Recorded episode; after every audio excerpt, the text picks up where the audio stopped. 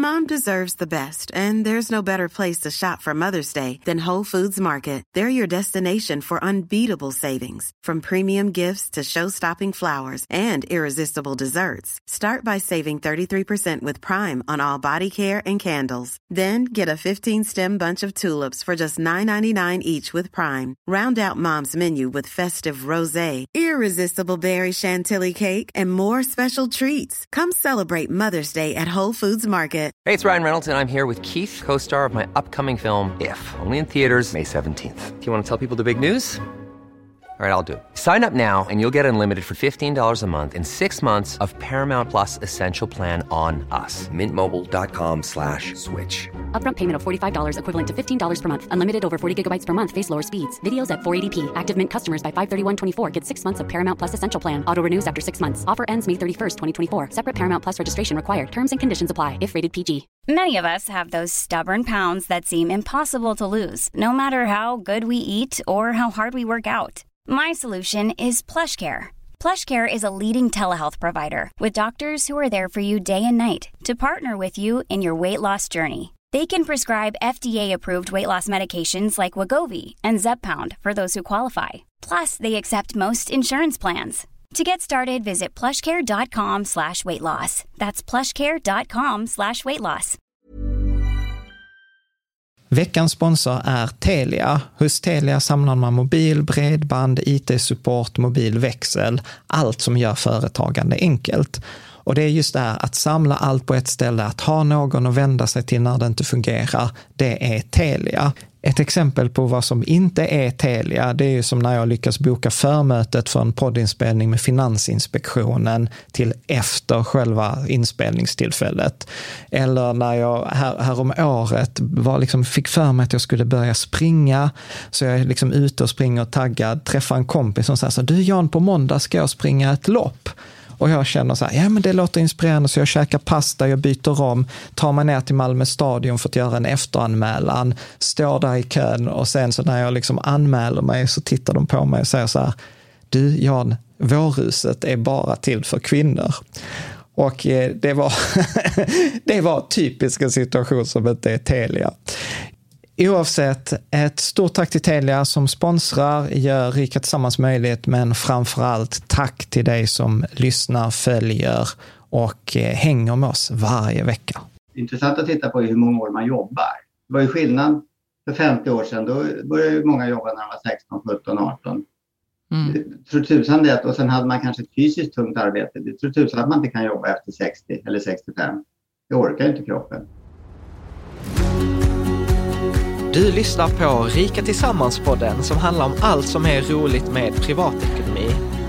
I den här podden får du varje vecka ta del av konkreta tips, råd, verktyg och inspiration för att ta ditt sparande och din privatekonomi till nästa nivå på ett enkelt sätt. Vi som gör den här podden heter Jan och Caroline Bolmesson.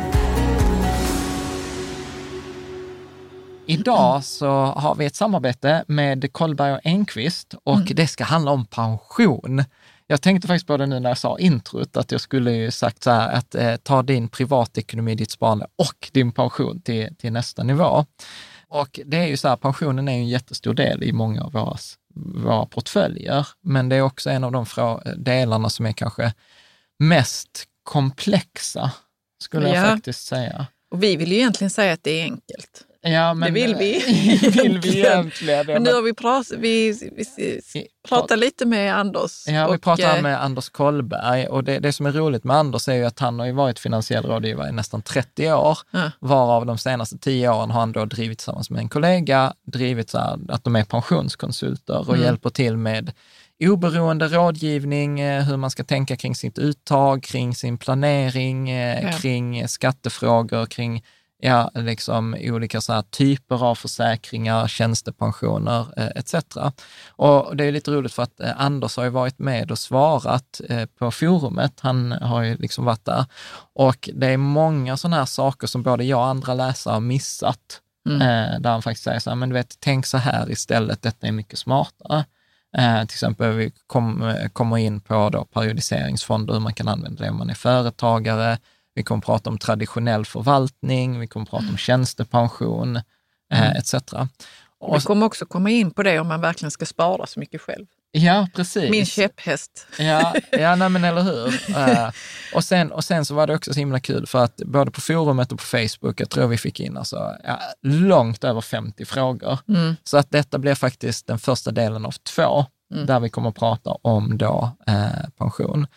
Uh, så att jag tänker att vi släpper på Anders och är det så sen att du känner att jag fick inte svar på de här frågorna och du är typ över 50 år gammal så brukar jag verkligen rekommendera att ta och träffa Anders för att mm. han är oberoende, man betalar ett fast pris och så får man liksom verkligen de här råden där man kan spara ganska mycket pengar på att göra rätt med mm. sin eh, pension.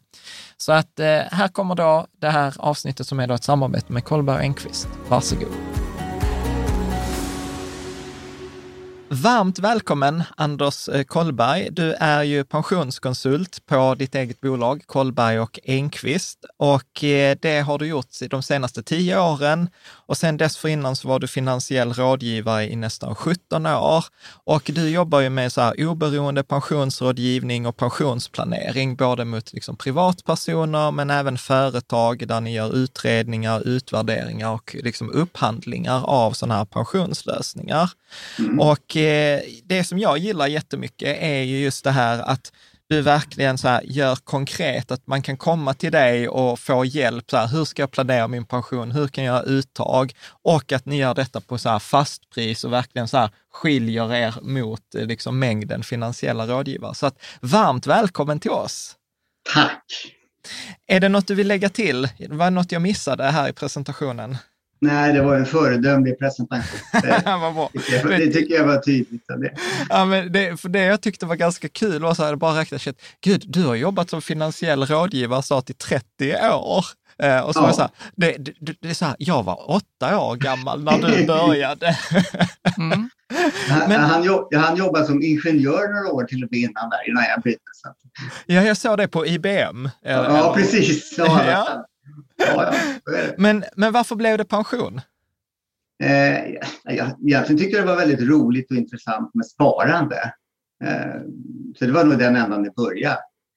Och sen så mm. kom jag i kontakt rätt tidigt med Folksam som hade något som heter fritidsombud. Jaså? Har jag aldrig hört talas om. Spännande. Sälja försäkringar helt enkelt till privatpersoner, där man, där, ofta där man bodde. Så då åkte man runt med en, en väska och inte knacka dörr kanske gjorde man väl inte, utan hade ringt och bokat innan. Och så kom man hem till folk och så satt man hemma hos folk och drack kaffe och åt kanelbullar och så pratade man eh, hemförsäkring och pensionsförsäkring och mm, bilförsäkringar. Aha. Ja, men, och, och vet du vad som är roligt? Det är ju att detta är verkligen så ett engagerande ämne. Vi la ut så här dagen innan vi spelade in den här intervjun, både på forumet och på Facebook, så här, men, ja, men vi ska träffa en pensionskonsult, Anders Kollberg, så här, har du några frågor? Och det bara rasade in frågor, så att pension är ju så här onekligen ett engagerande ämne. Ja, på två sätt ändå, för man vill ju att det bara ska lösa sig.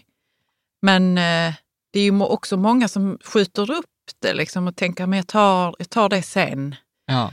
Ja, eh, precis. Men jag tänker också Anders, när du åkte runt då och eh, pratade om försäkringar och, och så och träffade människor så måste det ändå liksom, din erfarenhet måste ändå varit att men man har många tankar kring sin, sina pengar och trygghet och så. Eller hur? Vad, vad är den vanligaste frågeställningen som du möter? Är det så här, kommer jag kunna gå i pension? Alltså, om man tittar idag, till skillnad kanske från då, för då, då när man åkte runt då var det mer att lösa försäkringsbehov kanske. Vad händer om huset brinner ner eller vad händer om katten blir skadad eller om jag själv dör? Mm. Men om man tänker utifrån pensionshänseende, då är det egentligen vad får jag? Det är inte krångligare än så. Nej. Så får jag ut som pension? Och en del, många gånger är frågan också, kommer jag klara mig på det? Mm. Och, och, det är ibland lite svårt för oss att svara på, men då får man hjälpa kunden ja. att hitta svaret på den frågan. Jag tänkte så här, innan vi dyker in i det, bara för, för de som liksom är helt nya, kan du inte bara så här, dra din bild av liksom så här, svenska pensionssystemet, de här olika delarna och liksom, ja, en kort introduktion som du ser det? Uh, ja, till att börja med så tycker jag faktiskt att det svenska pensionssystemet är, är, är bra. Eh, det finns brister i det, precis som alla andra pensionssystem. Det är finansiellt stabilt för Sverige och det tycker jag är bra. Det ändå gäller alla och det ska fungera år ut och år in det här systemet. Eh, det omfattar alla. Eh, man får en kompensationsnivå som kanske många tycker är lägsta laget men den är väl i alla fall runt knappt 40-50 procent från den allmänna pensionen. Sen har vi ju eh, tjänstepension som de allra flesta anställda har i alla fall. Som gör att man kommer upp i en kompensationsnivå på 60 procent. Och där tycker jag många gånger avtalsparterna har gjort ett bra jobb, i alla fall de senare år. Tidigare år så var många gånger de här avtalspensionerna både krångliga och kanske inte alltid så bra. Men jag tycker de har blivit bättre. Så att eh, allmänna pensionssystemet, det tycker jag faktiskt är, är, bra. Det är lite synd kanske nu att man håller på att börja på peta i det eh, för mycket. Eh, politikerna. Hittills har ju pensionsgruppen fått varit ganska starka och egentligen styra eller i alla fall rekommendera hur pensionssystemet ska se ut. Men nu börjar det bli lite politikerna komma in och vilja påverka, köpa politiska poäng och det är lite synd. Mm. Mm. Vad är pensionsgruppen för något egentligen? Det är en sammanslutning av då de största partierna, eh, en person från varje parti, som sitter ner tillsammans och eh, blocköverskridande då. Och det var ganska revolutionerande då när, när de startade, kan det ha varit 20 år sedan, nu är jag lite ute och cyklar, det är ett antal år sedan. Och eh, där man kom överens om hur pensionssystemet ska se ut. Mm. Min, det är partipolitiskt styrt och det har varit bra. Många andra länder som är avundsjuka på vårt system utifrån ett samhällssystem, ett samhällsekonomiskt perspektiv. Mm. Och, och, allmänna, eh, bara så här, du får rätta mig om jag har fel, men allmänna då eh, pensionen, det är då inkomstpension och premiepensionen. Och det är då de här, när man då har ett jobb i Sverige så betalar arbetsgivaren då 18,5 procent som då sätts av, vad är det, 16 procent i den allmänna pensionen och 2 två eller två och en halv? Två. Två och en halv, ja. Två, två och en halv till premiepensionen. Mm. Och, och någonting som jag har tänkt på också, det är väl korrekt att inkomstpensionen, det är väl egentligen en skuldsedel som, som staten har till en, medan PPM är fonderad. Alltså det vill säga att det är pengar på ett konto i mm. mitt, eh, mitt namn. Ja, det är riktigt. Premiepensionspotten där, eh, PPM som vi kallar det, fast det är egentligen en myndighet, det är lite roligt. ja. Premiepensionsmyndigheten. Jag säger själv PPM-pengarna. Ja, ja, precis. Ja, Men... De är ju precis som du säger fonderande om man väljer själv förvaltningen. Mm. Mm. Eh, medan inkomstpensionen är ju, eh, styrs ju av egentligen hur aktiebolaget Sverige går. Eh, hur många vi är och hur länge vi lever. Mm. Men eh, för det där är ju så här bland yngre, för det har jag till exempel på forumet så många som skriver så här, jag är under 30 och jag tänker så att ja, vi är ju inte längre den kategorin, men som är så här, kommer det finnas någon pension, kommer man kunna lita på detta så här 2040 eller 2050 eh, liksom så här i framtiden? Vad, vad, vad är din spekulation? Att det kommer finnas pengar? Att det kommer finnas liksom pension, eller kommer vi behöva jobba tills vi är liksom 75 eller tills vi dör? Alltså, jag tror att det är faktiskt det. Jag tror att det finns väldigt goda förutsättningar att det finns pengar kvar. Det är det som är nog bra med det svenska systemet. För om det kommer in, om vi, produktiviteten minskar i Sverige, då kommer pensionerna gå ner för de som är pensionärer nu. Mm. Så att eh, pengarna kan ju egentligen inte tas ut annat än att Sverige, aktiebolaget Sverige går i konkurs då för all del. Mm. Så vad skönt, då är du ändå ja. ganska optimistisk. Ja, jag är mycket optimistisk. När jag är inte ett dugg orolig för den biten. Nu är jag i och för sig närmare själv då, förstås, men jag ser ingen anledning att vara orolig för den delen. Ja. Nej, för jag, jag kan nog ändå tycka att media målar upp en mycket mörkare bild. Det tycker jag med. Väldigt mm. negativ bild. Det är fattigpensionärer och det, mm. det är vad... väldigt eländigt. Men, det, men vi träffar på rätt många och det, många är rätt nöjda med den pension de får. Jag vet inte om vi får ett visst urval, det är möjligt, men, eh, många ska nog säga är nöjda. Och de som är väldigt missnöjda och arga, det är många gånger de som faktiskt aldrig har betalt någon skatt och aldrig haft någon lön. Mm. Ja. De är jättearga på att inte någon annan ska betala deras pension. Ja. Men jag, jag, tänker så här, om vi, om vi håller oss än så nu, för jag tänker vi ska så dyka ner, vi har mycket frågor kring tjänstepension sen. Men när det gäller då den här allmänna pensionen, då både PPM och inkomstpension, vad skulle du säga är kanske de tre viktigaste sakerna att tänka på? Se till att ta lön. Alltså om man är företagare, är man anställd så är det inte så mycket att välja på för all del. Men se till att ha en lön så att man och gärna en lön över då 45 000 och det är ju lätt att säga. Men är man företagare och har möjlighet att välja då ska man se till att ha det i alla fall. För då tjänar man in full allmän pension. Mm.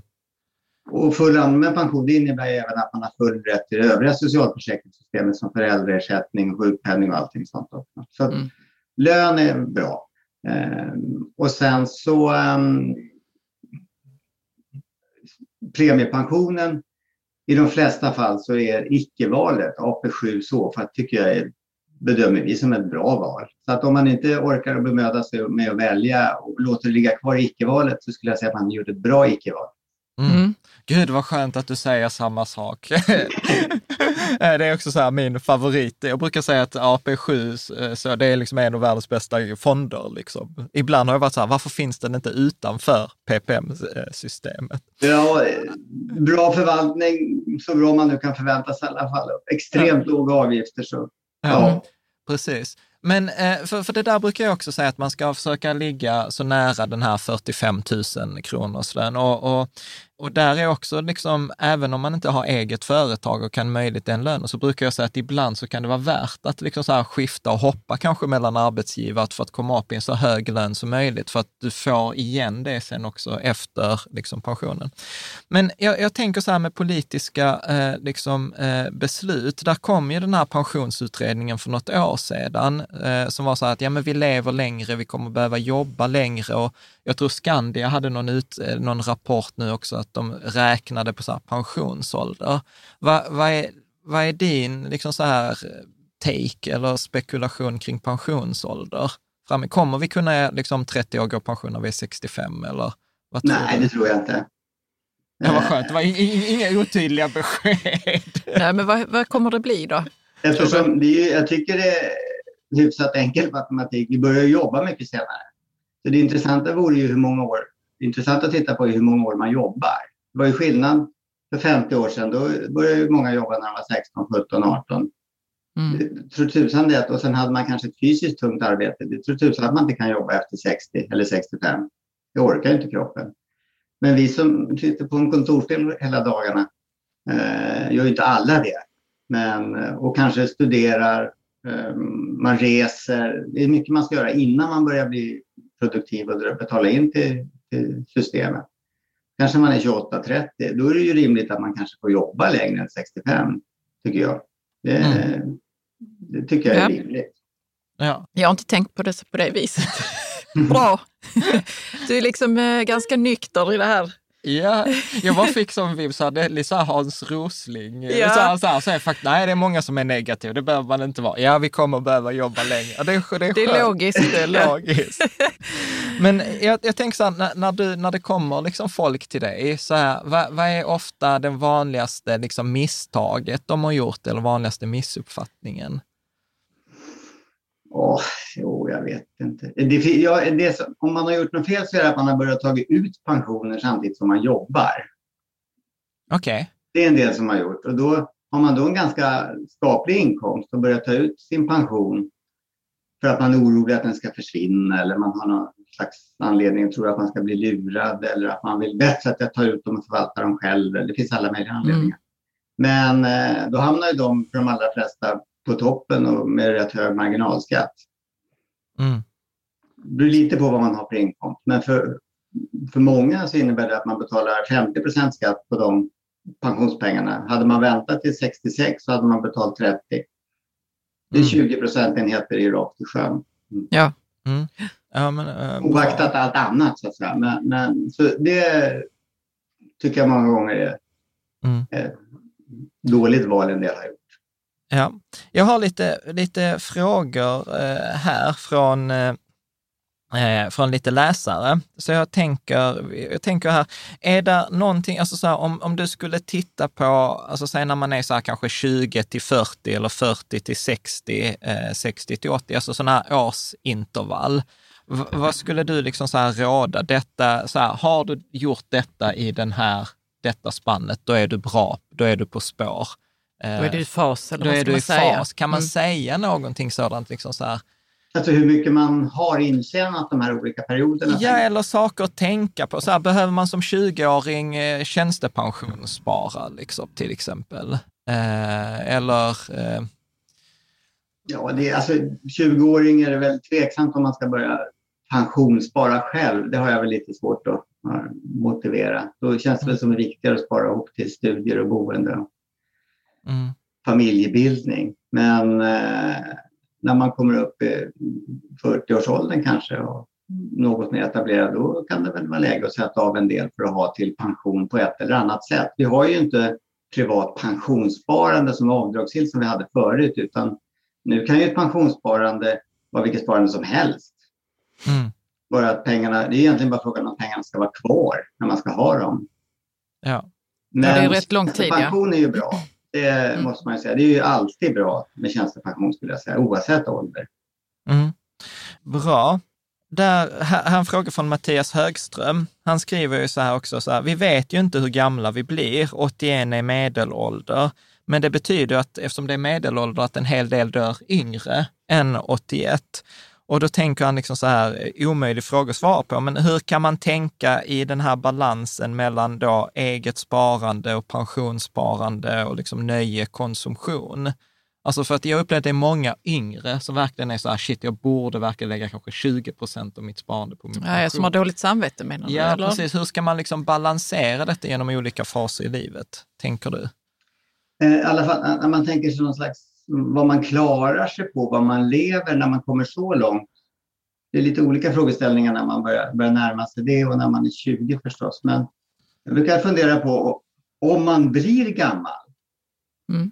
vad är rimligt att kunna klara sig på då? Då kan man väl titta på någon släkting man har själv nu då, farmor eller pappa eller beroende på hur gammal man är själv. Vad är rimligt att leva på när man är 85 år? Eh, de flesta som vi träffar gör av med mest pengar börjar när man är pensionär. Men efter 80 eller kanske 80, 80 ungefär, då gör de allra, allra flesta av med mycket mindre pengar. Man mm. reser mindre, man går inte ut och äter lika ofta. Med, ofta har man då betalat av det eventuella amorteringar man har haft tidigare. Så att då klarar sig många på rätt lite. Så utifrån det kapital man har så kan man tänka sig, pensioner har ju den poängen att där, finns, där finns ett försäkringsmoment där man kan ha just livsvariga som Mattias var inne på. Då behöver man inte bekymra sig om om jag blir 81 eller 101. Då ser jag till att ha en pott som jag vet är livsvarig. Mm. Allmänna pensionen är ju alltid det. Mm. Då vet jag att jag har 25 000 livsvarigt, det är jag helt säker på. Mm. Då kan jag fördela ut de alla andra pengar tidigare, före 80. Och då kan mm. jag fördela ut dem på ett sätt som beroende på hur jag lever och hur mycket pengar jag har. Mm. Istället ju... för att titta på vad jag behöver nu, utan vad, vad, är troligt att jag kommer kunna klara mig på sen? Det kanske är mm. svårt att tänka så när man är 20, det vet jag. Det vet jag. Ja, men också när man är 40. Men jag, det är ja. ett jättebra svar, för jag, eh, jag visste faktiskt inte att den var livsvarig, den allmänna pensionen. Men jag är inte heller inläst. Ja på det. Nej, men jag, det är sånt här som ska komma fram i denna podden. Ja, men jag tänker också så här, för vi har massor av frågor just kring uttag, så att det är en mm. hel specifik, många som frågar. Men det där är ju en svar, en svar på en av de vanligaste frågorna, som just att, att inte tänka att man ska smeta ut det jämnt över hela uttagsperioden, utan att man, ja, man har förmodligen mest utgifter mellan 65 och 75.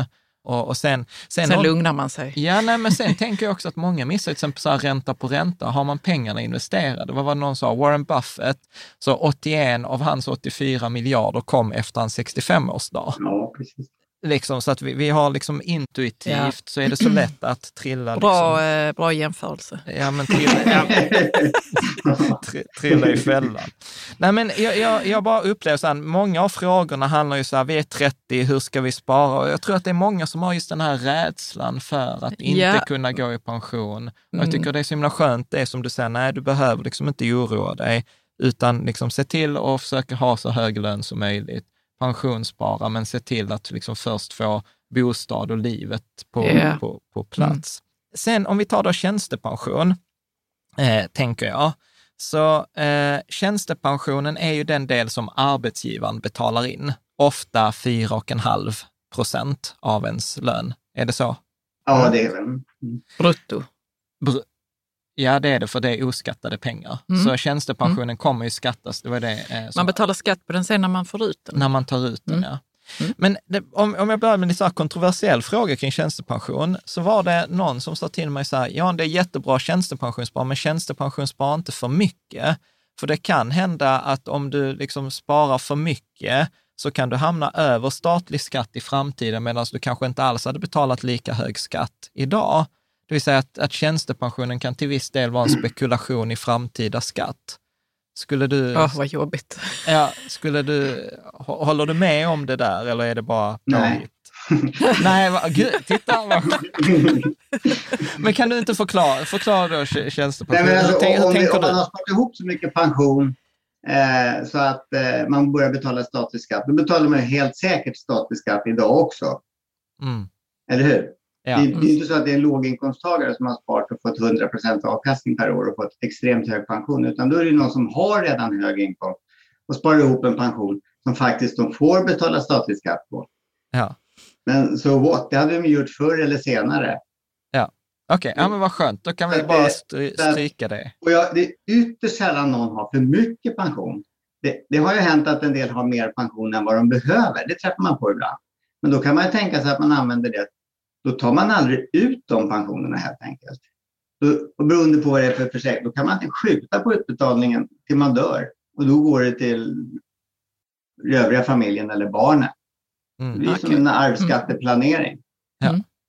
Okej, bra. Då ska vi då, får du skjuta i sank nästa sånt här tips som jag har fått. Ja. Eh, att, eh, att det är ofta bra att ha i alla fall kanske två tjänstepensionsförsäkringar så att man kan anpassa liksom uttagsperioderna. Så man ska liksom, även om det nu kommer gå att flytta ihop och slå ihop tjänstepension, så ska man i alla fall ha minst två, så man kan kanske ta en på fem år eller en på tio år eh, och sen Ja, va, att ha en flexibilitet. Jag är rädd att ställa frågorna.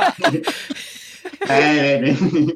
vad Det tänker du om det, Det Anders? är bra för, nej men att, att ha flera pensioner, det är bra. Eh, det, det går väl till någon slags gräns där det blir praktiskt att administrera om du har 30 stycken. Men, men, men annars att ha fler, precis som du säger, så är det en fördel att ha flera pensionspottar. För då kan Ja. du ta en vid 62, en vid 70 eller du kan ta ut en under hela livet och en under fem år. Du kan, eh, och när du säger två så har jag tro, ah, de, flesta man träffar, det finns ju sällan någon som har under fem. Okej. Av de du Eh, träffar? Ja, eller- de vi träffar så är det sällan någon har under fem stycken olika tjänstepensioner om vi pratar antal. I de Ja, men- flesta fall är det så att ja, våra kunder då, helt enkelt. Ja. Mm.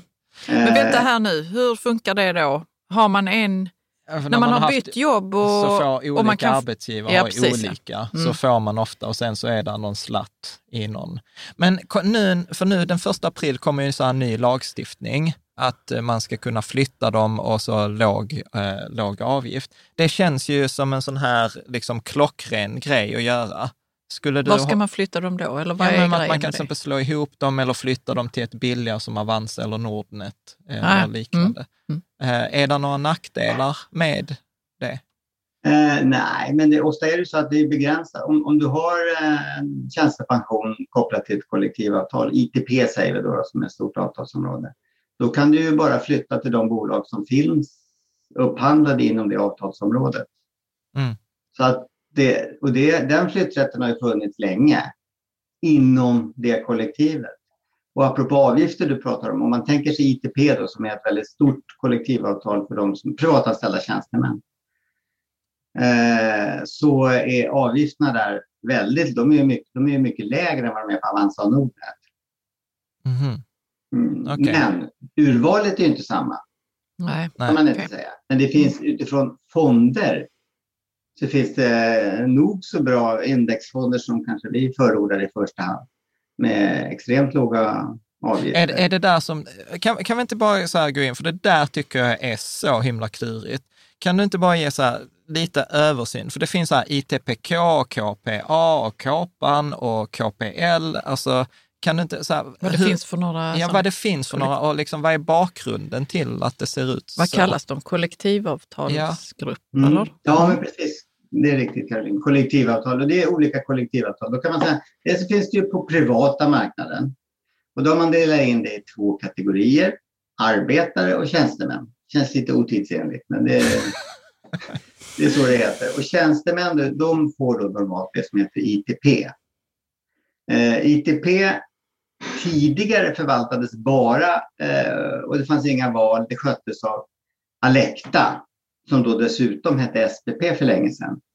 Eh, och fanns inga val och det var någonting som hette förmånsbaserad pension. Alltså man visste vad man fick, men man visste inte vad som betalades in. ITP. Sen har det moderniserats och kommit någonting som heter ITP 1.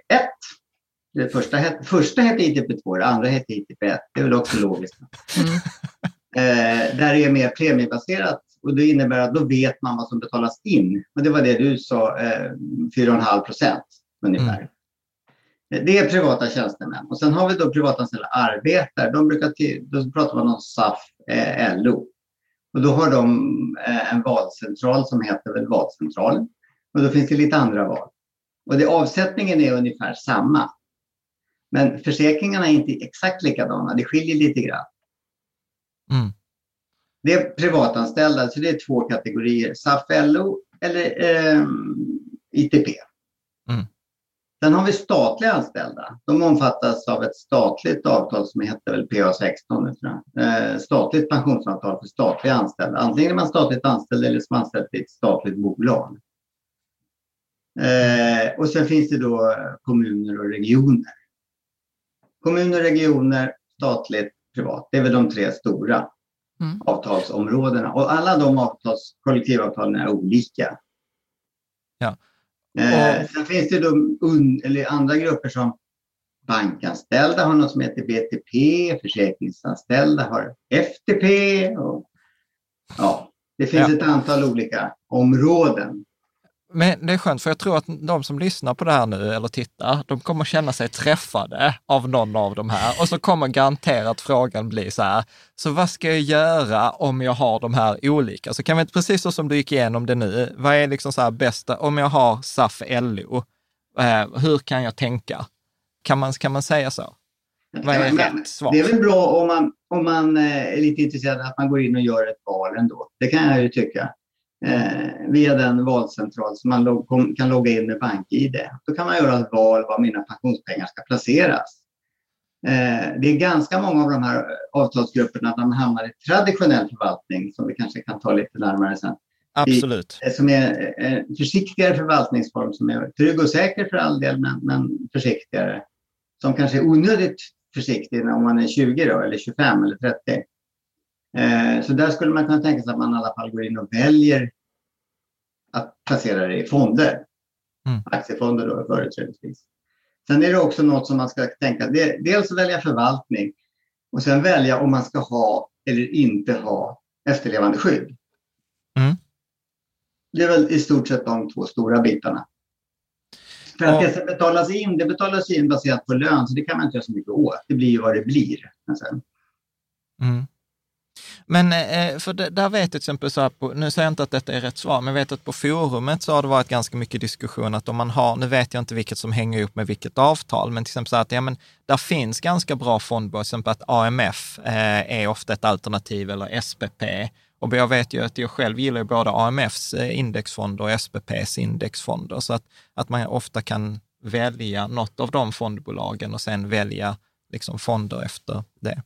Eh, men eh, och är det samma sak i alla de här andra avtalen också, att man kan välja typ AMF eller SPP eller liknande? Ja, numera är det i stort sett det. Det är olika portaler eller valcentraler, men i stort sett så är, är det det. Vissa eh, grupper har, om man är lite äldre, då kanske man har en större del än som är förmånsbaserad pension och då kan man inte välja så mycket. Men eh, ofta finns fortfarande ett mm. val man kan göra. En mm. mindre del i så fall. Ja. Kan man göra liksom ett dåligt val? Ja, det kan man väl alltid göra. Hur ser ett dåligt val ut? Fast det, nej, jag vet inte. Det, det är klart, man, man, kan, man, man skulle möjligtvis kunna tänka sig att, att man precis ska börja närma sig pension så har man legat i jätteförsiktiga placeringar hela livet. Mm. Och så tänker man, nu jädrar, nu ska jag se till att få hög avkastning här. Och så skickar man in allting eh, på, på, på aktiemarknaden. Och sen går den ner 35 procent och så ska man gå pension ett halvår senare. Då får man ju mm. lägre pension helt enkelt. Mm. Men, men det där var egentligen en sån överkursfråga som jag hade tänkt att vi skulle spara till sen. Men ja. där finns ju något som så amerikanare kallar ju för så här glide path, alltså fördelningen mellan aktier och räntor. Jag själv är ju väldigt förtjust i Sjunde AP-fonden som är så här 100 procent aktier fram tills du är 55 och sen så lägger de på 2,5 procent räntor från, för varje år från fem, eh, äh, 15, från 55 års ålder. Hur, hur brukar du resonera att man ska att hålla fördelningen mellan då aktiemarknaden och räntor? Jag håller med dig. Jag tycker AP7 är en jättebra, jättebra eh, modell. Jag gillar den också. Jag tycker det är precis så man ska ha. Ehm, där det automatiskt regler, sänker risken utan att jag själv behöver tänka och agera. Så jag tycker det är en utmärkt modell. Och så, det har man faktiskt tänkt i de senaste upphandlingarna inom de här kollektivavtalsområdena. Om vi nu tänker oss ITP, om jag håller sig till det, som är det största. Om man väljer ITP och väljer ett fondbolag, då kan man välja då SPP då, till exempel. Och då välja deras, eh, antingen välja deras globala indexfonder eller så väljer man deras defaultförvaltning som man hamnar i. Då har man precis den modellen att då har man 100% aktier till 60 eller 58. Jag kommer inte ihåg vilken ålder det ändras, men, men olika bolag har lite olika um, ålder. Där börjar man successivt sänka risken och det är en, det är en modell som jag tycker är väldigt bra. Då behöver man själv inte agera. Mm.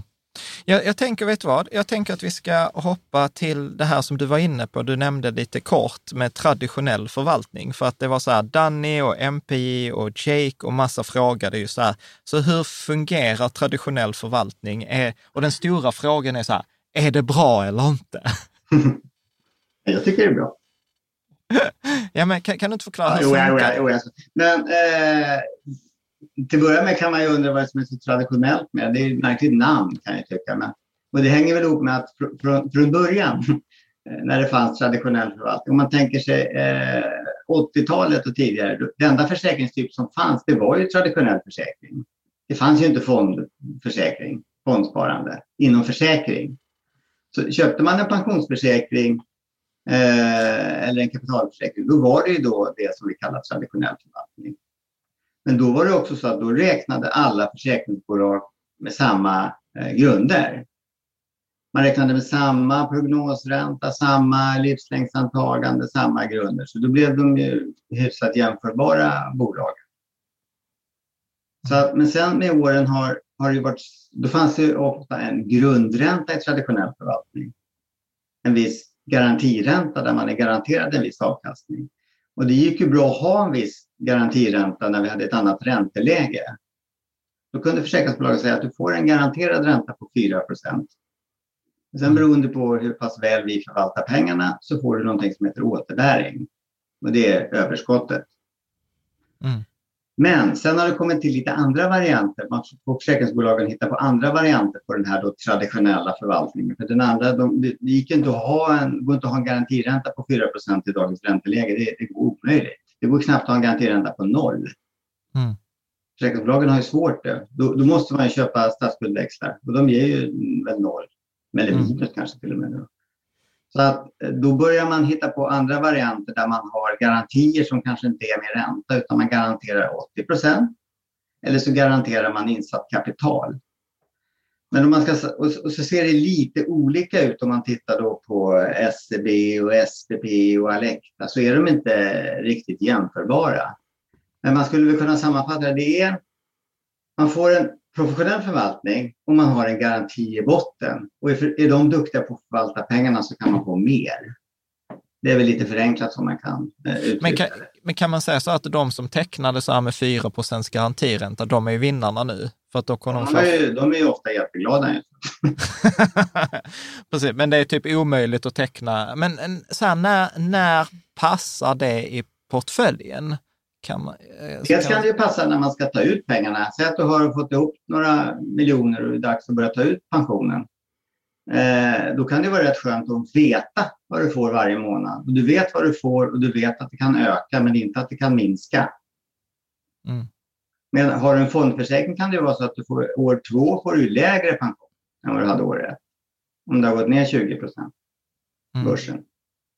Så att, eh, och där man faktiskt vill ta en lägre risk. För det är så, om du vill ta en låg risk, jag, jag vill fakt, det, det, kan ju vara också en del som har så pass mycket pengar så att det är helt enkelt onödigt att ta risk. Ja.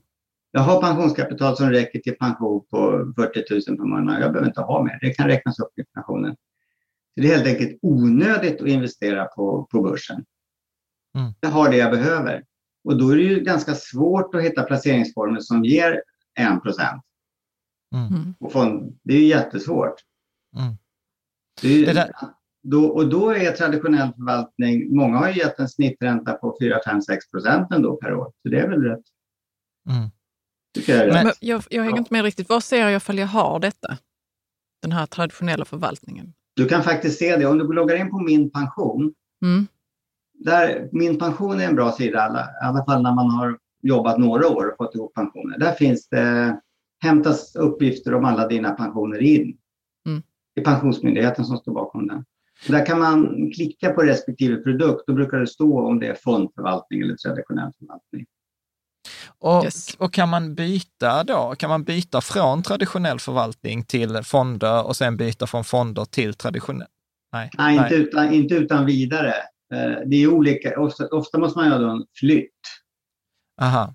Okay. Eh, och till att börja med måste ju försäkringsbolaget tillåta flytt. Mm. Generellt sett är det lättare att flytta till traditionell än från. Aha.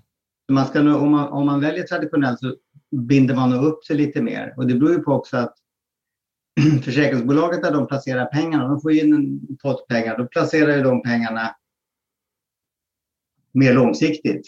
Eh, så de stora bolagen de har nu börjat köpa parkeringsgarage och investera i sjukhus och eh, betalmotorvägar. Och, ja, förutom renodlade aktie och obligationsinvesteringar så har de lite andra alternativa investeringar som fungerar för dem eftersom de är inte likvida alls.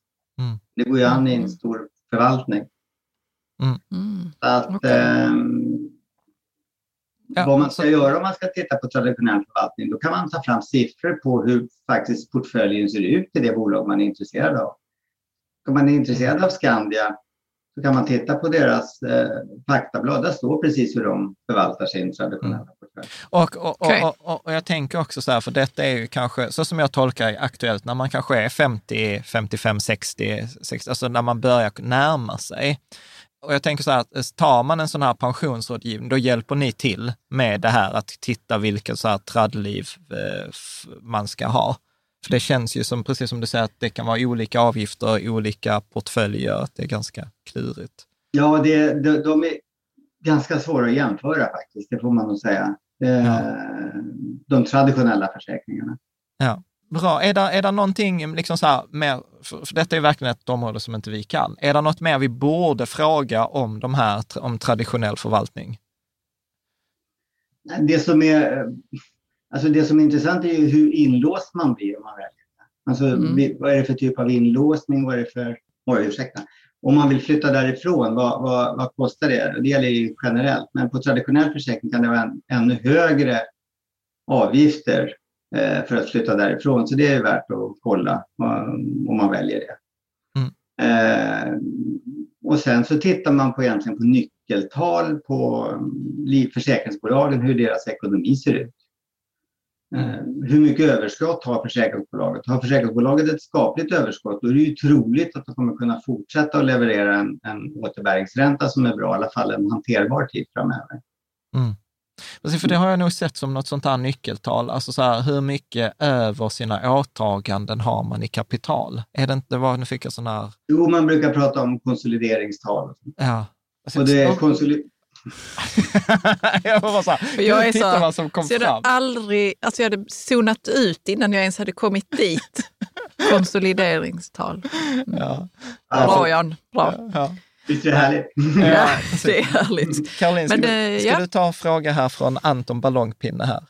Yes. Hur ska man tänka kring familjepension och återbetalningsskydd? Jag har stora delar av min intjänade pension i alternativ ITP slash KTP eller utan kollektivavtal. Finns det risk att man är dubbelförsäkrad med detta eller ska man ha båda? Har barn som är 12 och 14. Att, Vad säger du? Så att, vad var frågan? Eller, jag, jag, tänk, jag tänker vi delar upp frågan. Ja, så vi kan ett, dela upp ett frågan. först är så här, vad är efterlevandepension? Om vi börjar där. Mm. Det, och det, där, redan där är försäkringsbolagen väldigt skickliga på att skapa olika begrepp som gör att det blir lite lurigt faktiskt. Men efterlevande pension, familjepension, efterlevandeskydd, återbetalningsskydd. Det är liksom olika namn på hur, om jag får ut pensionskapital, vad som händer när jag dör egentligen. Mm. Eh, och den allra enklaste formen och den kanske vanligaste, det är det som brukar kallas återbetalningsskydd.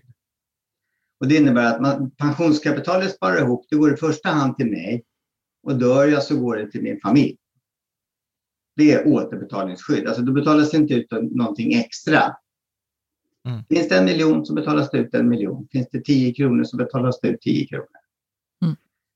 Sen har det kommit till lite andra varianter som, som han nämnde här, bland annat familjeskydd. Och det är ett begrepp som används inom Collectum, ITP. Då kan man köpa en extra livförsäkring som man betalar 40 kronor i månaden som i sin tur betalas ut då kanske 25 000 i månaden till min familj om jag dör. Det är en extra livförsäkring. Mm. Men det kan man, måste man, det kan man se. Ehm, den betalar man ju för. Det är en kostnad för en premie. Mm. Hur, hur, är, hur brukar dina så här, mellan tummen och pekfinger, alltså hur ska man tänka kring de här tilläggen? Va, hur brukar du tänka? Först, första man ska titta på var, alltså hur behovet ser ut egentligen. Eh, om det är så att man har små barn, har en bra inkomst och kanske och är 30-40 års åldern och tjänar bra men inte har någon kapital egentligen, någon förmögenhet i övrigt. Då är det ju bra att det finns ett eh, efterlevandeskydd eller någon form av livförsäkring ifall jag dör så att min familj kan klara sig om det händer någonting. Men är jag ensamstående eller man är ett par som har vuxna barn och, eh, eh, som klarar sig själva, då är det i alla fall onödigt att betala extra för att ha något efterlevande skydd. Det finns ju helt enkelt inget behov. Mm. Så att första är egentligen om, om man, för då kan man titta, om, min, om jag hade avlidit för en vecka sedan, hur skulle det se ut då för min familj rent ekonomiskt? Klarar de sig ekonomiskt? Mm. Ja, de klarar sig bra här i tre, fyra år. Jaha, då kanske jag i alla fall inte behöver ha några extra livförsäkringar. Mm. Och livförsäkringar kan man ha, apropå dubbelt som man frågar, kan man ofta ha flera stycken. Sen om man har behov av det, det är ju en annan sak. Mm. Men eh, du kan ha en försäkring som betalas ut med 20 000 i månaden och så har du ytterligare en där det betalas ut en miljon om jag dör. Mm. Det kan man absolut ha. Min, eh, min upplevelse är väl att fram tills man i alla fall är 45, 50, 55 så är de relativt sett billiga. Sen upplever jag att de ökar liksom så här från 50 kronor i månaden till 400 kronor i månaden. Alltså du vet, det är så här sjukt hopp vid 50-60 års ålder. Så jag brukar väl tänka så här, ja, medan man har små barn och man är ung så är det så här, merkostnaden är marginell. Mm. Men, ja, men, mm. Men du, är det inte så här vissa som pratar, eh, det här där man får, är det efterlevande eh, eh, skyddet som gör att vet, man kan få högre pension? Alltså, är det det att om man tar bort det så kan man få extra inbetalning? Jag vet inte, det är bara något sånt som dök upp i mitt huvud nu. Mm, nej, det, det, det, är helt riktigt. Är, om jag väljer bort återbetalningsskydd och efterlevandeskydd, så att peng, pengarna går bara till mig om jag lever. Mm. Då, då tittar man på kollektivet. Då tittar man alla som är ja, min ålder och säger. Så när, när, när, vi går i pension i, i min ålder och ingen har efterlevandeskydd, så börjar vi få ut våra pensioner. Och i takt med att folk dör, det gör vi ju eh, förr eller senare i alla fall, de pengarna går då till oss övriga i kollektivet i form av någonting som heter arvsvinster.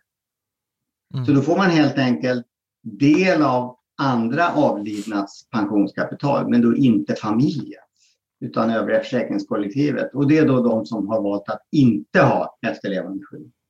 Men det kan diffa ganska mycket, har jag förstått också, att det kan bli ett par procent extra om, om året. Ja, det kan, det kan bli mer än så, speciellt om man blir äldre. Alltså, om man hamnar uppe i 80. Så att man kan säga att när det börjar, man börjar ta ut pension, det är framförallt då, nu är vi där igen, ja. Då kan det vara läge att titta på eventuellt ta bort efterlevandeskyddet.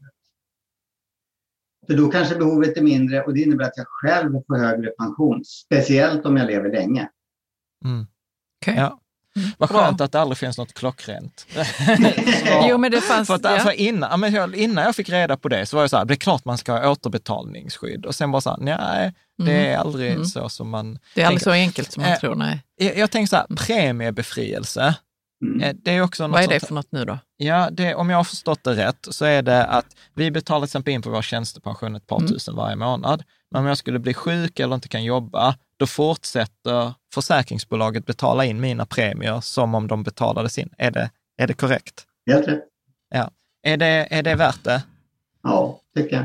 Ja. Eh, Speciellt om man har en bit kvar till pension. Då. Är man nä- väldigt nära så är det väl kanske hinner inte gå så lång tid. Men ni har ju många år kvar till pension så kan jag tänka dig. Dels så tappar man ju lön om man blir sjuk, men det kanske man kan få ut i form av sjukpenning eller eventuellt sjukförsäkring man har. Då. Men, men pensionen blir väldigt tunn då, då om man inte jobbar. Så premiebefrielsen är jättebra. Men detta måste man välja då aktivt eh, att man ska ha. I de flesta fall när försäkringsbolagen har olika typer av tjänstepensionspaket, det har ju Mm. alla bolag har ju det, både för enmansföretagare och för större organisationer. Då ingår ofta sparande till pension för en själv, premiebefrielse just och sjukförsäkring. Alltså någon, som ger ersättning per månad om jag blir sjukskriven. De delarna brukar vara bra Mm. att ha med. Eh, det har ju varit uppe ibland när det gäller diskussioner med direktpension eller tjänstepension. Nu kanske vi inte ska gå in på det nu, men, men Mm.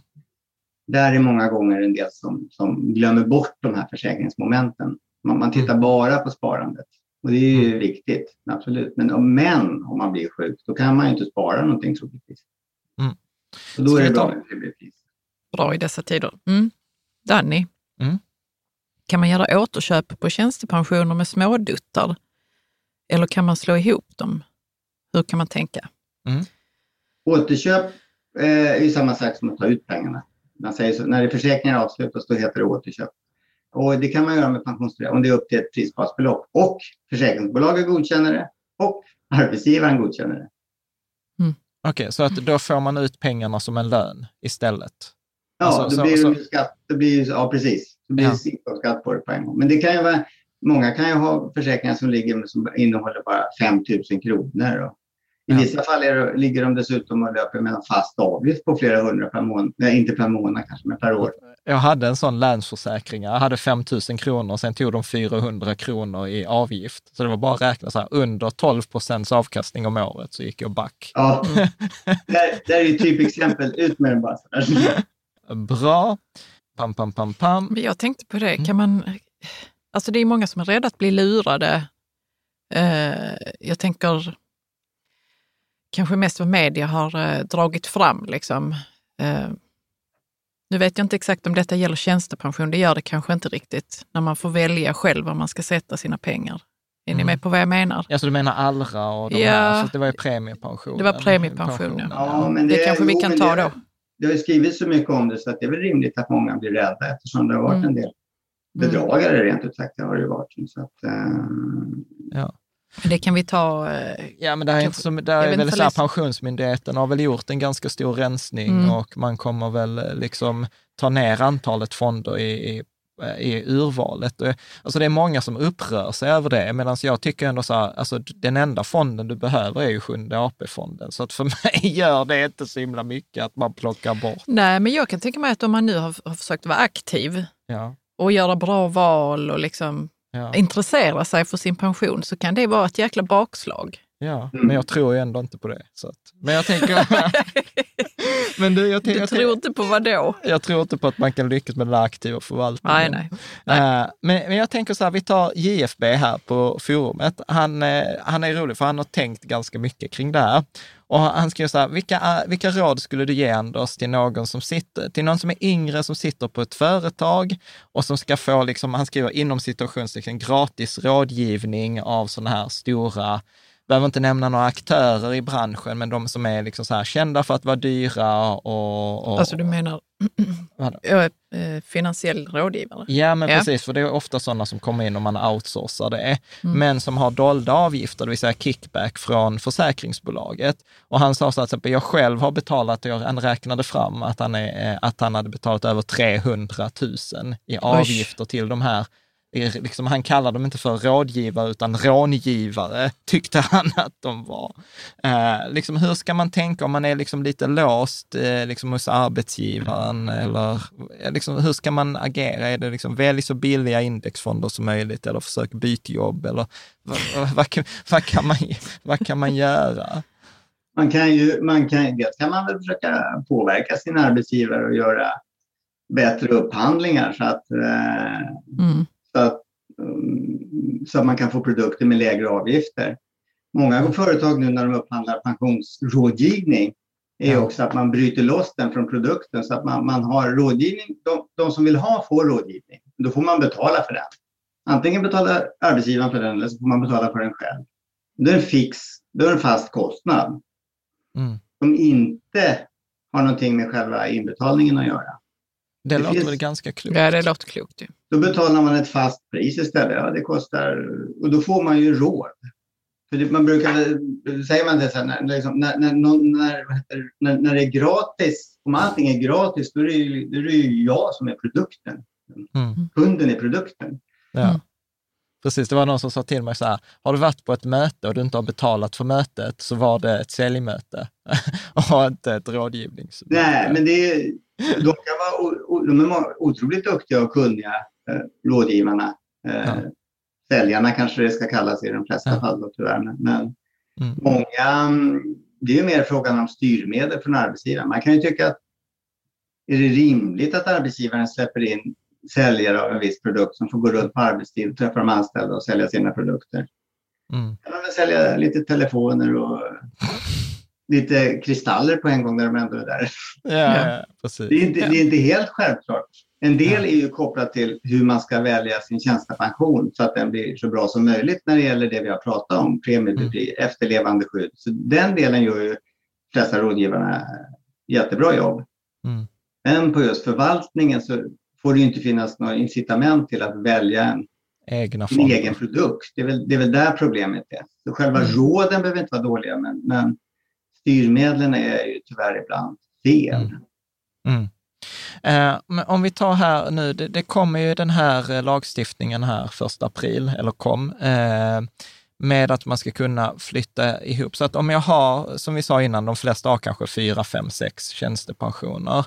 Är det liksom så här att ja, men jag kan eh, slå ihop dem till kanske två eh, och flytta dem. Jag brukar ju alltid säga så här Avanza Nordnet eh, till exempel. Eller egentligen säger jag så här till ett ställe där du inte betalar skalavgifter.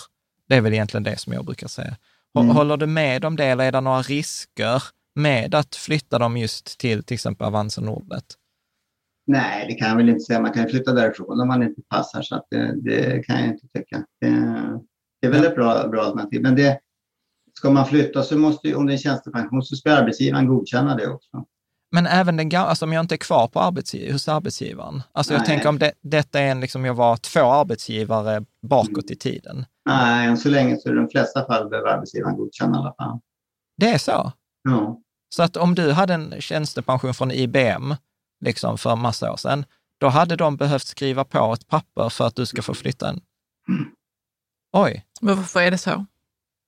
Det är för att det är arbetsgivaren som är försäkringstagare och ägare till produkten. Och som mm. anställd är man förmånstagare. Mm. För, okay. för, det, för detta mm. är precis en sån här lite teknisk, nu är JFB här i farten igen. Mm. Så då, då är han så här, men är inte tjänstepension likställt med att pengarna tillhör individen? Då måste svaret på den frågan vara nej. Ja, det svaret på den frågan är nej. De tillhör eh, det som jag har rätt till är pensionen. För, för att det är egentligen nästa fråga, för han säger så här, i så fall, liksom, varför inte? För då, så skriver han att jag har varit med om att en, om en arbetsgivare avsätter för mycket, så kan försäkringsbolaget helt sonika gå in och ta tillbaka pengarna utan att informera om det. Och, och man får inte heller liksom en beräkning på om det är liksom för, för, för mycket. mycket och så säger han så här, men om jag får en för hög lön till mitt lönekonto så kan ju inte arbetsgivaren gå dit och plocka tillbaka lönen.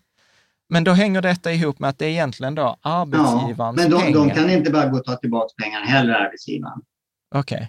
Nej, så, så enkelt är det inte som han skrev där. Det, det är det inte. Okej. Okay. Men är, är, så här, förlåt, är detta en risk? Är detta någonting som, alltså typ som jag behöver oroa mig för? Nej. Nej, vad skönt. Ingen anledning. Eh, Det är bara, det är bara, det är bara du som, som anställd, som, som förmånstagare som kan få ut pengarna. Företaget kan inte ta tillbaka pengarna på något sätt. De kan inte gå företaget i konkurs så är pengarna separerade från verksamheten. De kan inte ta ut pengarna från försäkringen. Okej. Så, okej. men- Fast du sa att de äger den.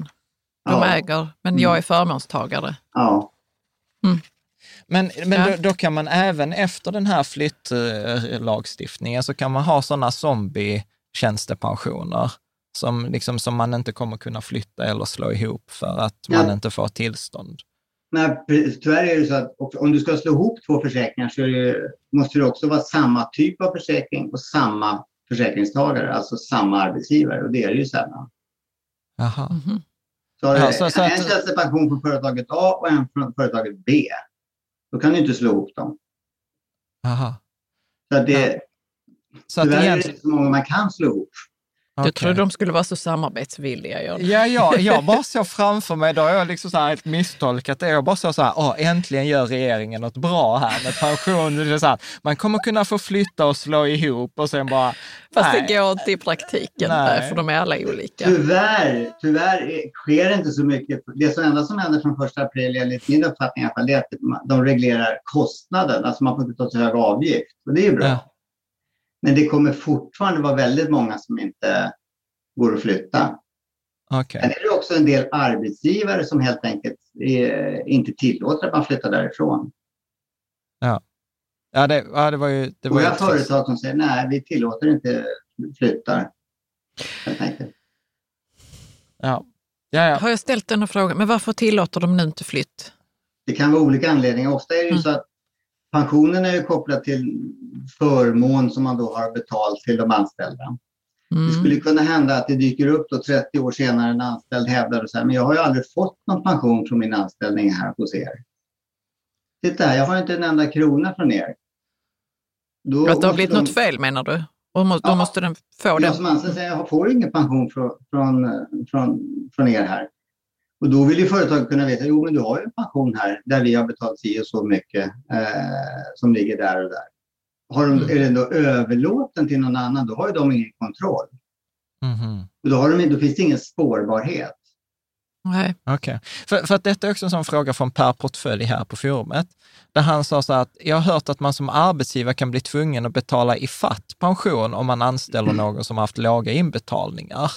Och så frågan också, kan det fungera också åt andra hållet, att om man har haft höga inbetalningar och går ner i lön, att man får lägre inbetalningar än vad man egentligen skulle haft? Mm, det kan det göra. Men Det- för, för, för, det hur är- funkar, hur, hur, kan, hur, så här, förlåt, hur kan detta funka? Liksom så här att om du vet, jag anställer någon och så har det andra bolaget här, eh, bolag A, inte gjort sin, hur kan jag bli skyldig för det? Ja, det är ju märkligt. Det är, så är. Men det, det, har, det, det är inte riktigt så illa nu längre faktiskt ur ett arbetsgivarperspektiv. Och det, det hänger ihop med att pension, det, är när, det är bara vissa typer av pensioner. Det är då de här förmånsbaserade pensionerna. Aha. Och så, då säger jag att man ska ha en given pension på en viss procent av lönen. Mm. Om, och då är, måste man också ha tillräckligt mycket tid. Man kanske ska ha 20 procent av lönen, säger vi nu bara för enkelhetens skull. Eh, men eh, för att få de här 20 procenten då ska man också ha 30 års tjänstgöringstid. Alltså man måste ha 30 år med det här pensionen. Mm. Och inte vilken lön man har, men 30 år. Och sen så får man en pension när man slutar jobba som är 20 procent av lön. Säger vi. Mm. Om då min lön går upp väldigt mycket sista tiden. Då måste den arbetsgivaren skjuta till mer pengar. Aha. Medan omvänt, om min lön går ner, då finns det ju redan pengar för att täcka det jag ska ha. Mm. Mm. Sen finns det övergångsregler, så det är inte så att det bryter från ett år till ett annat. Det är det inte. Så att det, Ja. det finns utjämningsmekanismer där man, där man, har, man pratar om lönekapningar. Och, ja, det finns olika regler. Så, så, att, så att det, Okej. Det här problemet som arbetsgivare, att det blir jättestora inbetalningar, det är nog stort sett borta nu för tiden. Så det är sällan någon, någon drabbas av. För det, kunde- det kunde faktiskt hända att arbetsgivarna anställde någon och så kom man överens om lön och så visade det sig att pensionen var ungefär lika stor som lönen. Ja. kanske man inte hade räknat med. Det var, Nej. Mm. Nej.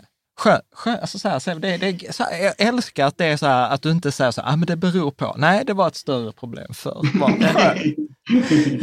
jag tänkte att vi ska hoppa lite till, eh, till löneväxling. Ska du ta frågan här Karin, så ska jag starta om kameran sen. Japp. Uh, nu ska vi se här, Mr T. Jag skulle gärna vilja förstå mer om löneväxling. Vad ska man tänka på? När är det fördelaktigt samt, samt vilka fällor finns det? Eh, första är väl att man ska ha tillräckligt hög lön. Så att när man, man sänker ju ändå sin lön så att det inte innebär att man får sänkt inbetalning till allmän pension. Vänta lite, det är inte, det är inte alla som vet vad löneväxling är. Nej, alltså, vad är det, det var, nu då? Bra, tack. Löneväxling i, i det här sammanhanget antar jag att man menar att man avstår en del av sin lön för att istället det ska gå till pension, mm. sin betalning. Mm. Jag avstår tusen kronor av min lön och så vill jag att det betalas till min pensionsförsäkring. Och så får jag ut det någon gång i framtiden. Det är löneväxling. Mm. Det innebär att jag får ju lägre lön. Och, och vad, är, vad, är, fördelen med det där? Mm. Där brukar man väl också prata om att ja, men du får lite mer avsättning än om du får ut det i lön. För mm. att det är lägre skatt för arbetsgivaren för den delen som sätts av till pensionen. Det stämmer, stämmer det? Typ 6 procent? Om, om man betalar ut lön så betalar man ju 31,42 i arbetsgivaravgift. Eh, men om du betalar till pension betalar du 24,26 i särskild löneskatt. Då brukar de flesta företag eh, göra så att det blir kostnadsneutralt för företaget. Så man får ungefär 5,5 procent högre. Så avstår man 1000 så betalas det in 1057 då. då. Mm-hmm. Mm. Och, det, det, får man i, och det beror på skillnaden i skatt. Mm. Och du sa att man skulle ha en viss nivå av lön då, för att det skulle löna sig? Precis, man ska ha, man ska, om, man har, om man har en lön säg på 40 000, avstår 1000 kronor, då får du 39. Det innebär att då får du lägre allmän pension. Mm. mm. Allmänna pensioner, man ska se till så att man är över jag tappar bort gränsen till och med. För Med ungefär 46 000. Du säger för, ja, tack. Ja. 46. Man ska ha 46 000 kvar efter att ha gjort en löneväxling. Och då egentligen är det inte 46 000 per månad utan det är årsinkomsten som är det intressanta. Mm. Mm. Okay. Mm. Precis. Att, att man har, eh, går årsinkomsten då ner under den nivån, 8,07 eh, inkomstbasbelopp, då, då får jag ju lägre allmän pension. Och då får jag visserligen mer pension eftersom jag sparar de här pengarna, men jag tappar på allmän pension. Så då, då, då eh, är det meningslöst då? Ja. ja. Då skulle jag säga att då skulle de flesta fall avråda ifrån det. Så vad sa du, att man ska ha över 46 000 i månaden, i månaden brutto? Brutto. För, för, då maxar man den allmänna pensionen mm. och då kan det vara värt så att efter du har gjort din löneväxling så ska du ha 46 000 kronor kvar. Jo, men brutto. det är väl också det där med hur mycket skatt man betalar eller nej, det har ingenting nej, det med det att göra? Det nej, nej, nej, okej. Okay. Mm. Så att, eh, bra. Mm. Inte i det eh, läget. Och sen, nej. Så då är, är det första liksom kriteriet för löneväxling, för att man ska göra det överhuvudtaget. Och sen är det nästa hur arbetsgivaren hanterar eventuell tjänstepension. Okej, okay, vad tänker du då? Om man har en tjänstepension, säg att vi har en lön på 50 då, för att ta mm. så betalas det in tjänstepension på en pension, på en lön som baseras på 50 000 per månad. Mm. Så kommer jag överens med arbetsgivaren, nej men jag vill löneväxla 2 000 kronor. Då får jag bara 48 000 i lön. Då gäller det att pensionsinbetalningen till min tjänstepension fortfarande beräknas på som om jag hade 50. Mm. För annars så förlorar du ju där istället. Mm. Ja. Är med på det? Mm. Ja, jag är med på det. Caroline. Ja, ja. Men varför är det här med pension så himla krångligt? Alltså det är verkligen så att jag måste intressera mig för alla de här små detaljerna för att inte gå miste om tusen lappar. Ja, men jag tror att det är för att det är så många oh, olika det... arbetssituationer, olika brytgränser, olika löner, olika avtal. Så har det blivit som en djungel, ja. Fast jag tycker ändå Anders är väldigt tydlig. Ja, alltså, så här, absolut. Så här, så här absolut. Nu när vi pratar här och sen så går jag ut härifrån och så tänker jag så nu vad var det nu jag skulle hålla reda på? Ja, men det är därför man träffar och bokar ett möte med Anders Ja. så får han, så får han Bra. reda ut det. Ja. De, de flesta arbetsgivare som, som erbjuder löneväxling, de har koll på det här. Så då skriver man någon form av avtal också. Så att, eh, men man, man ska ju i alla fall, om man påtalar det här själv för sin, sin, sin chef, att "Ja, men jag vill löneväxla, så säger han, ja, ja, men gör det du." ungefär. Mm. Eh, då gäller det att man inte missar de här andra bitarna. Ja. Mm. Men du, Ja. en, en, en sån här fråga också som jag, så jag fick vid något tillfälle, så här, om, om man är på ett företag som inte betalar eh, liksom till tjänstepension, hur, hur, alltså då, då har jag till någon sagt att byta arbetsgivare, vilket kanske inte var så snällt. Men hur, hur, hur ska man tänka om man inte får en tjänstepension från arbetsgivaren? Då kan man ju, dels så är det faktiskt så att om, om förut, förlåt, det här med privat avdrag för pension har ju försvunnit. Mm. Men det finns fortfarande kvar. Om man är hos en arbetsgivare som inte har eh, pensionsrätt, alltså man har en tjänstepension, då får man dra av faktiskt eh, för pensionssparande även som privatperson. Mm. Så du jobbar på ett företag som inte har någon typ av tjänstepension överhuvudtaget, då har du lite generösare avdragsregler privat. Mm. Så det kan vara ett alternativ. Alternativ två då är någon form av löneväxling. Man kan komma överens med arbetsgivaren. Det finns ju en del företag som inte har tjänstepension utan man säger ja, du har en pott pengar här så får du själv välja hur du vill ha ut de här. Mm. Mm. Jag vill ha lön, jag vill ha bil, jag vill ha gymkort och jag vill ha pension. Jaha. Hur, eh, och- om man är så här egenföretagare eh, så, och liksom man har ett företag som går hyfsat bra, då kan man ju avsätta upp till, inte bara 4,5 kanske, utan uppemot, jag tror 30 procent av Mm. ens lön. Eh, är, är detta lite så, alltså, ju mer desto bättre, eller är det liksom fallgropar med Det, kan, det skulle ju kunna, säga att man har ett företag och det går bra under ett antal år, då kan man sätta av 35 procent av, av lön är det, som finns en Mm. huvudregel, vad som är avdragsgillt. Då kan man ju tänka sig att man sätter av det hyfsat tidigt i sin karriär. Då har man ju skapat en ganska bra grund. Det kan innebära sen att när det går lite, om det går lite sämre några år senare, då behöver du inte spara någonting till pension, för då har du redan fått ihop ett kapital som, jobb, Mm. som jobbar under tiden. Mm. Så att eh, jag, jag, jag tänker så här, vi, vi ska, det kommer vi ta en, i nästa avsnitt där vi pratar om uttag, men om vi tar företag i, igen, så då brukar jag ju säga så här att ordningen man ska tänka, det är så här, först lön upp då till 46 000 för att maximera allmän pension. Det. Sen brukar jag ju säga då i alla fall 4,5 procent tjänstepension så att du inte förlorar på att du driver eget företag. Och sen brukar jag säga så här, full utdelning. Och därefter liksom antingen då eh, investera via bolaget eller vad man nu väljer att göra. Skulle Mm. du hålla med om det eller ska man, skulle du prioritera i en annan ordning? Nej, jag tycker det låter som en bra. Jag skulle kanske sätta av 10 procent i pension istället i och för sig. Men, men, men, Ja. men annars eh, absolut är jag med på den principen. Eh, Och sen ska jag faktiskt plantera en grej till nästa avsnitt, det är kring periodiseringsfonder. För det var också en diskussion vi hade i, i, i forumet, att eh, många, liksom, om man har ett lönsamt bolag så använder man inte periodiseringsfonder. Det vill säga att om man har gjort vinst ett år så kan man betala skatt ett framtida år. Men att om man då fortsätter jobba efter 65, då är ju inte eh, det avdragsgillt, utan då kan man använda en periodiseringsfond. Men det tänker jag att vi kan prata, dyka mer i, i Mm, nästa. det är en bra finess, i alla fall om man är uppe över 60. Då. Så, mm. Ja, bra. Jag, jag tänker här, vi hade eh, Rocco här. Eh, Ställt många frågor. han har ställt, han var inläst. Eller hon. Eh, liksom. Han eller hon. Han eller hon. Men han var så här att eh, han hade läst i någon bok också att, att man kunde flytta till Avanza och Nordnet, att det var bra. Men så stod det, så skrev han så här, däremot så kan, eh, vad många inte känner till är att till exempel Avanza och Nordnet har en avsaknad av flexibilitet som andra aktörer. Och då skrev han så här, till exempel verkar Avanzas försäkringar sakna förfoganderätt och dessutom kan man konstatera att eh, Avanza betalar efterlevande pension bara under fem år. Är det någonting som du känner till eller eh, vet Ja, jag- vad han menar? Nå, eh, nej, det kan jag inte säga. Men det här med förfoganderätt kan nog vara. Förfoganderätt har lite olika innebörd, men det kan bland annat innebära att om, om jag får pengar från, som arv, alltså jag får som som förmånstagare Ja, eh, så då kan, då kan man få ut dem på olika sätt. Säg att jag har en pension. Då. Antingen så betalas det ut under fem år. Det är, det är inskrivet att den här pensionen ska betalas ut fem år om den försäkrade dör. Mm. Om jag har förfoganderätt på försäkringen och får den här, då får jag försäkringen och så kan jag själv välja när jag vill ha ut pengarna.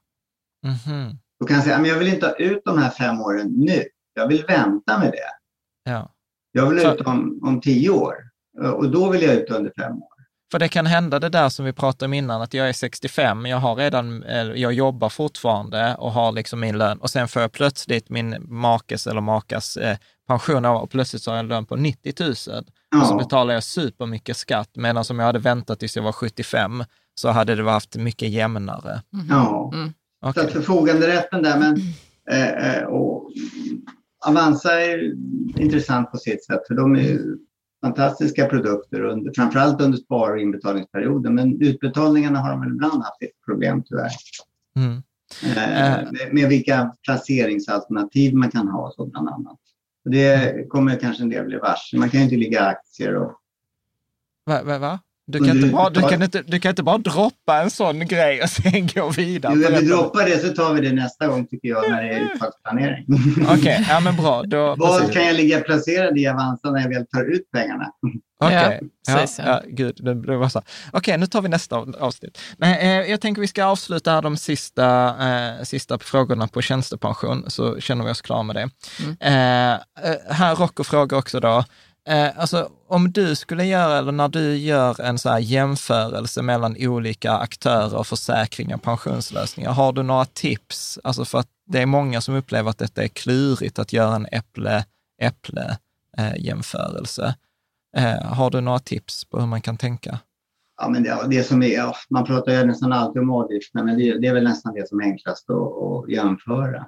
Eh, ja. Det beror lite på vilket, vilket sammanhang man skulle jämföra. Om, det, om man nu ska så säga, köpa en ny pension eller om det var jämförelse utifrån pengar man har. Eller det beror på vad är det man ska jämföra och vilket sammanhang tänkte han med frågeställningen. Det kanske inte framgick riktigt. Nej, det, eh, nej det, det gjorde det inte. Nej, utan jag tror att det är så här, jag tror att det är lite blandat här med till exempel livslängdsantaganden och prognoser. Det är nog traddliv. Eh, ah, Okej, okay. men då kan, om, det, om det är sådana det är prognosräntor och livslängdsantaganden sånt som, som skiljer ja. mellan olika eh, bolag. Då ska man nog snarare göra så att, och det har ju störst betydelse kanske när det gäller när man ska ta ut pengar, då ska man helt enkelt begära, beställa en offert.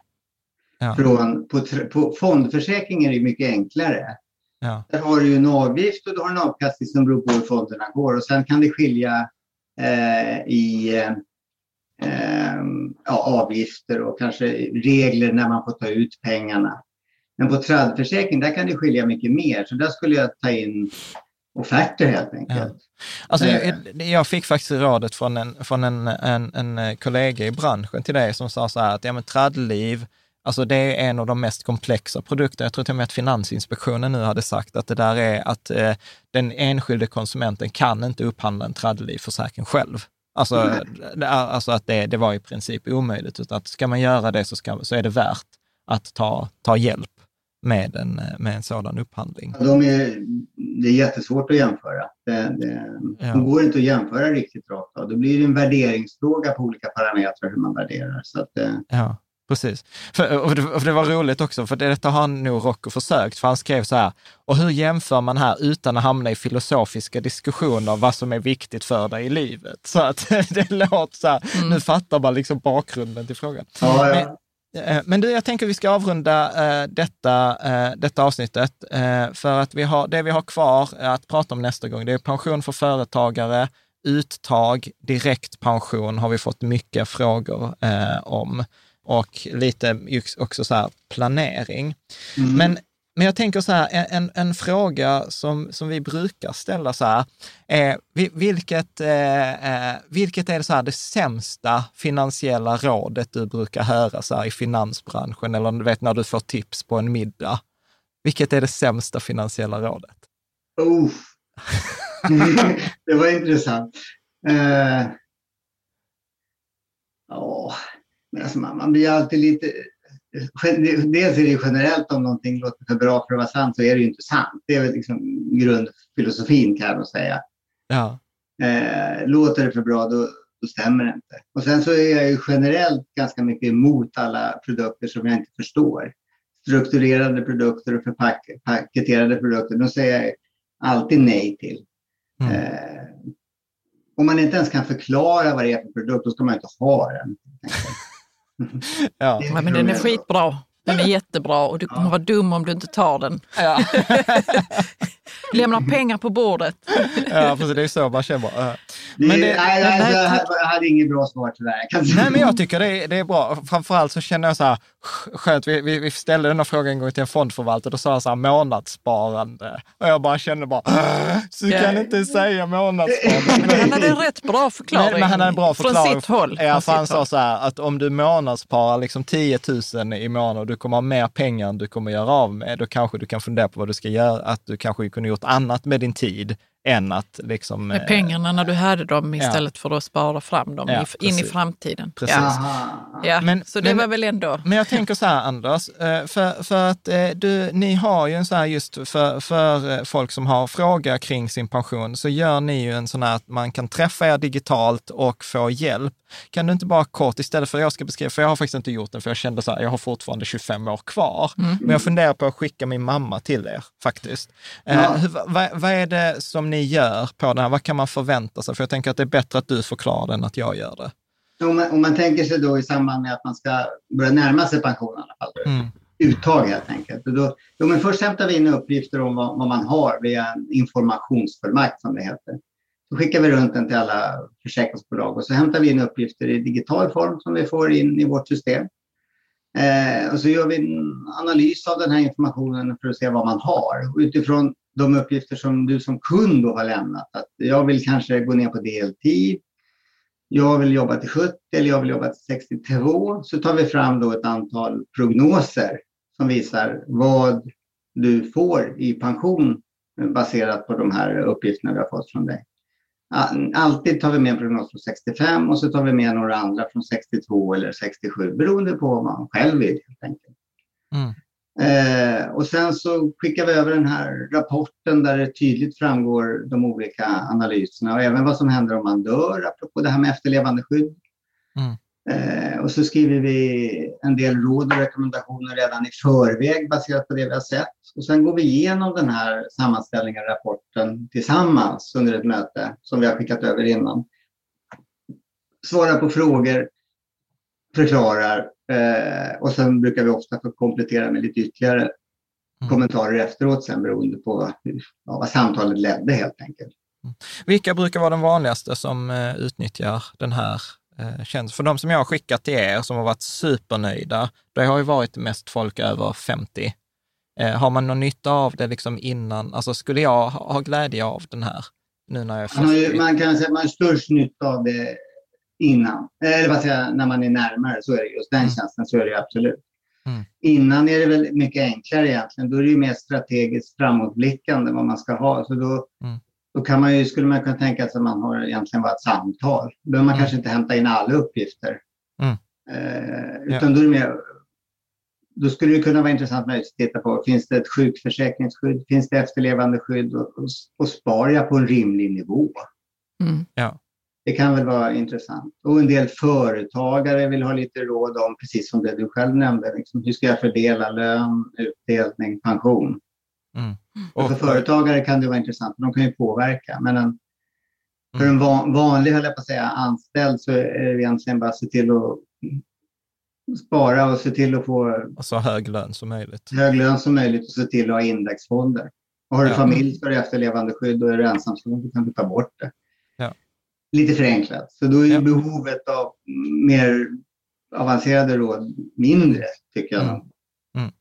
Ja, men bra. Mm. Jag tänker vi kommer att prata mer om detta nästa, nästa vecka när vi pratar om uttag och eh, uttagsstrategier.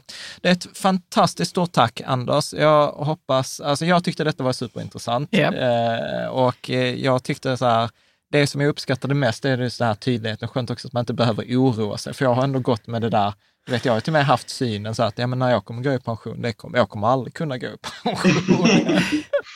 liksom. Så att, eh, ett fantastiskt stort tack, tack, Anders och på återseende nästa vecka. Stort tack! Ha det gott! Tack! Hej då! Så, det var dagens avsnitt. Mm. Nu har vi hunnit igenom tjänstepension, traddliv och lite sådant. Men Mm. vi har ju, jag tänker så att vi har minst lika mycket frågor Ja, ja, eh, kvar till, till nästa gång. Är det någonting eh, som du tog med dig? Alltså det var väldigt mycket som, eh, som svischar förbi, liksom. så det är nästan så att jag måste liksom kolla på det igenom ett tag. Men det var jätteskönt att, att eh, Anders ändå kunde svara ganska så Tydligt. tydligt på många frågor och Att man inte behöver oroa sig för att sin man inte behöver oroa sig för sin pension. Ja, Ja, ja. Det, ja, det var men skönt. Det gillar jag Ja. också. Eh, Vill man komma i kontakt med Anders eh, så är det enklast att gå in på deras hemsida då man kan googla Anders Kollberg eller Kollberg och Enqvist eller koen.se, www.koen.se så Mm. kan man komma i kontakt med honom. Eller på forumet, naturligtvis på riketsammans.se eh, snedstreck forum. Så att jag tänker att vi ses nästa vecka. Då kommer del två. Då kommer vi prata mer om uttag. Vi kommer prata lite om direktpension. Vi kommer prata lite sådana andra frågor om liksom försäkringar etc. Så att eh, vi ses nästa vecka.